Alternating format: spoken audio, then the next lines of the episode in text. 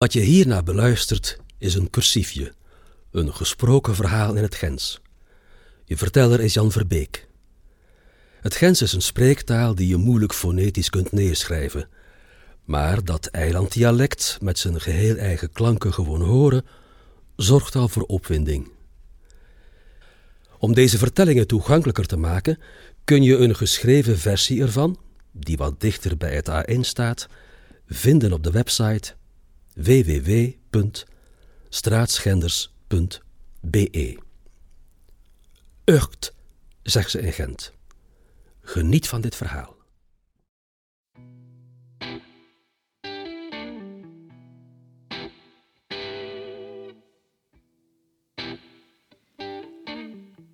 Ik zat een keer op een bankje in een park.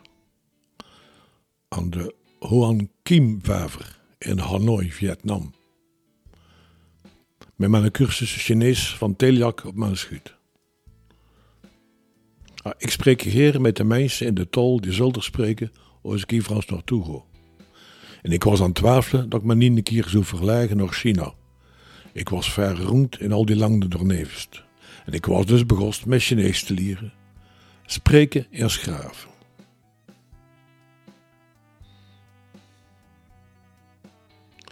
Tolleerde. Frans en Engels heb ik op school geleerd, alhoewel, op school. We hadden een keer voor de lessen Frans in Dumaniora een heel jaar gedaan.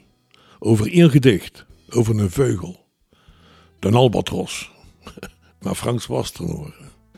Als mijn kinderen nog klein waren, gingen wij op congé naar Wissant. Dat is in feite Witzand, op zijn Frans uitgesproken. Witzand, Wissant. Een vrij groot strand door, als de zee afgetrokken is. Er is een hele kilometer tot water. Je zegt tegen de kinderen, hoor een keer achter een nieuwe zeewater. En die stalvuur zitten ze niet weer. In Calais, dat ligt nog juist voor Wissant, was van de pannen komt, gingen we iets gaan eten. Ik bestelde gewoon wijn, niet te dieren. En ik vroeg, met de carte de vin en dant, une bouteille s'il vous plaît. Die een brove garçon zei niet zo. Zonder verpenken bracht hij mijn karafke wijn. Moet dat de keer proberen? Een fles Chateau Karafke bestellen. Maar in feite trek ik nu goed mijn plan in het Frans. U kent Engels, but you always will hear when I speak that I am from Ghent.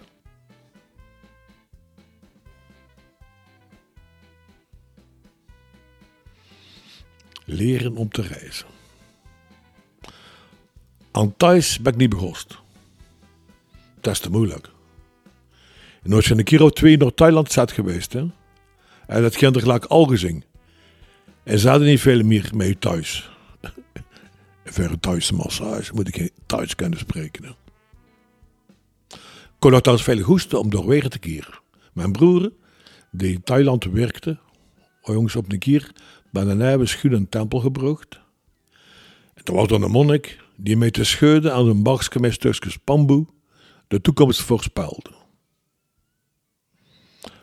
Hij sprak gelukkig wat Engels, dat ik hem kon vragen.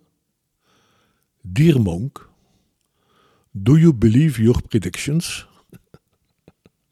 Hij antwoordde 50%. Kijk, zie. Met ook ik keer wat vuur geklapt. Stel de vuur, dat gaan onderpaster vroeg. Meneer de onderpaster, geloofde ga in de onbevlekte ontvangenissen van de mocht Maria. En hij zegt, 50 procent. Broeder Stokkeman zou hem zeker gewoon overdrogen aan de puis. Indonesisch ik geleerd in de tijd dat ik in Gent werkte. Snoes, bij mijn krok monsieur in Hotel de Nazer. In een boekje gekocht in Amsterdam. Mijn vrouw, die ook een boekje Indonesisch. Maar zij is beter in het luisteren en verstrooien. Ik in het uitleggen. Daarmee blijven wat typen. In Duits klap ik een beetje gelijk Jean-Marie Pfaff. Nou, ik heb er niet hè? Duits.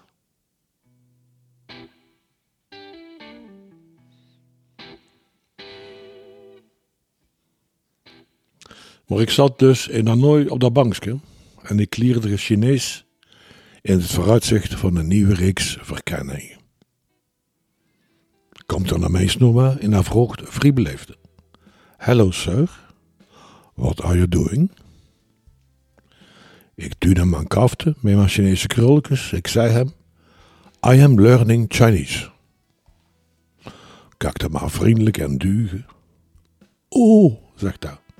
But sir, this is the enemy. Ik ben dus met mijn Chinees niet meer naar buiten gekomen. Eh, als ik in de cursus drie weken later weer open deed, het was al weg. Ik kost gedorveuren onder te woorden, spreken en schraven. De Chinezen schraven geen letters, ze schraven woorden. Maar ik was het al vergeten. Ik had laten schieten. Ben India gewoon verkennen. Met de Sikhs, met al de purperen tulbanden en de Hindoes. En de Taj Mahal. Ik ben er zelfs de Dalai Lama tegengekomen. Ze spreken in India wel meer dan 400 verschillende talen. Het Engels is door een beetje de tweede tol. Ik heb dus geen Hindi of Sanskriet geleerd, hè. ben er zo naartoe gegaan.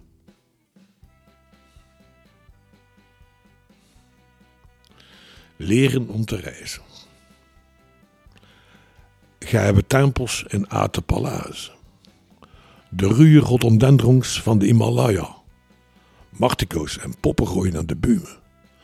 Watervallen en vuurbergen snorkelen en zwemmen in de warme zee. Met vreemde meisjes klappen. Pikant eten en slechte koffie drinken.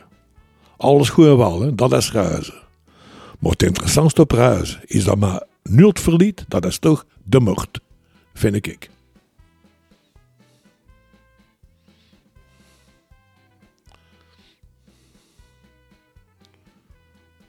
Het natuurlijk mochten en mochten.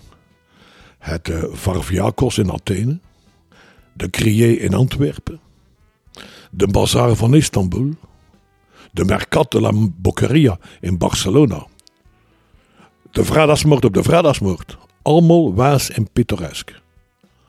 TTP, TTP dat is moord in het Indonesisch. TTP, de mochten, de passaars in Nederlands-Indië, de mochten op de eilanden van de Gordel van Smaragd, die worden voor de weg naar het inzicht, het begrijpen. Die macht te genderen, dat is like een PowerPoint van de basiswetten van de economie. Nog beter, een geïllustreerde wandelingen door het boek About the Wealth of Nations, geschreven door Adam Smith. En Adam Smith, dat is de Pythagoras van de economie.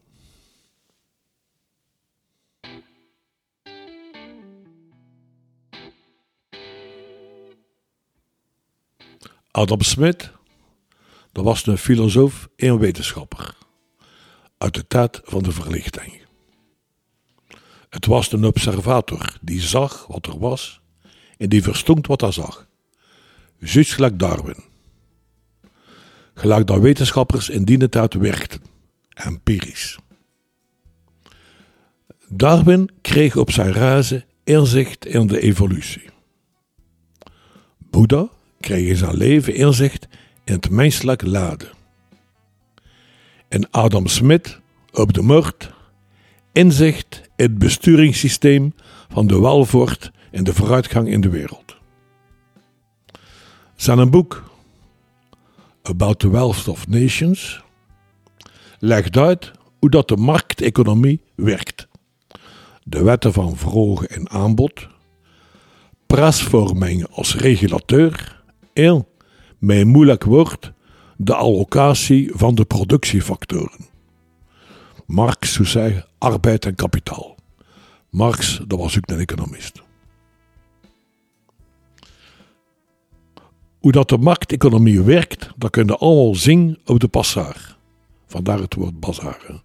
De passaars van Jakarta en Palembang, van Momere en Ubud, Surabaya en Medan wordt de raas door aangevoerd bij Upe, de praat gaan en de mensen kupen genoeg voor een poort door. Als er weinig raast, vraagt naar boven en de mensen kuipen wat minder. Maar al gelijk, het zoveel, allemaal naar huis. Brengen de kikkers een taartje veel geld op en de vis weinig? Toen zijn er een paar vissers en die beginnen kikkers te kwieken. En op het einde van het vertaalstuk komt alles weer in evenwicht. Bleef de toeristen weg uit Bali omdat er met bomen was gesmeten? Toen zwieren de kalders weer een boer. En ze thuis raast gewoon kwieken of kikkers. Stoot er altijd veel volk aan het krom van de schoenmoker? Toen stalt Ramine door Nevest en verdienen ze al twee uur een boterham. De uitvinders vinden uit en de kunstenaars tuigen kunsten.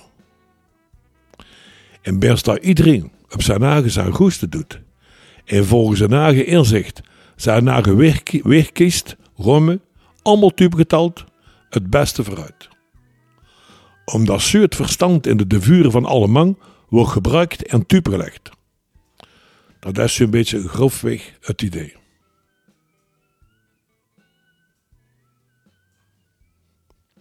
De markt stuurt wat er wel in nieuwe geproduceerd of aangevoerd.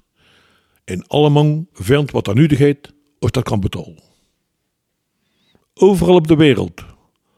Als het goede tijden worden en geen oorlog hier of door. Allemaal goed aan het werk en allemaal een leven. Met de moord als belangrijkste regulateur. Ja, echt raken weer er niet op de moord kostbaar raken worden buiten de markt. Met kupen, transporteren en verkupen. Sloven, kruidnagel en peper. En met plunderen, ver weg, in Afrika en Amerika. De grote ongelijkheid in de wereld is niet op de markt gemokt. In de volgende episode vertel ik vuurt over de moord en over de onzichtbare hand van Adam Smith en hoe dat die hand gestolen werd.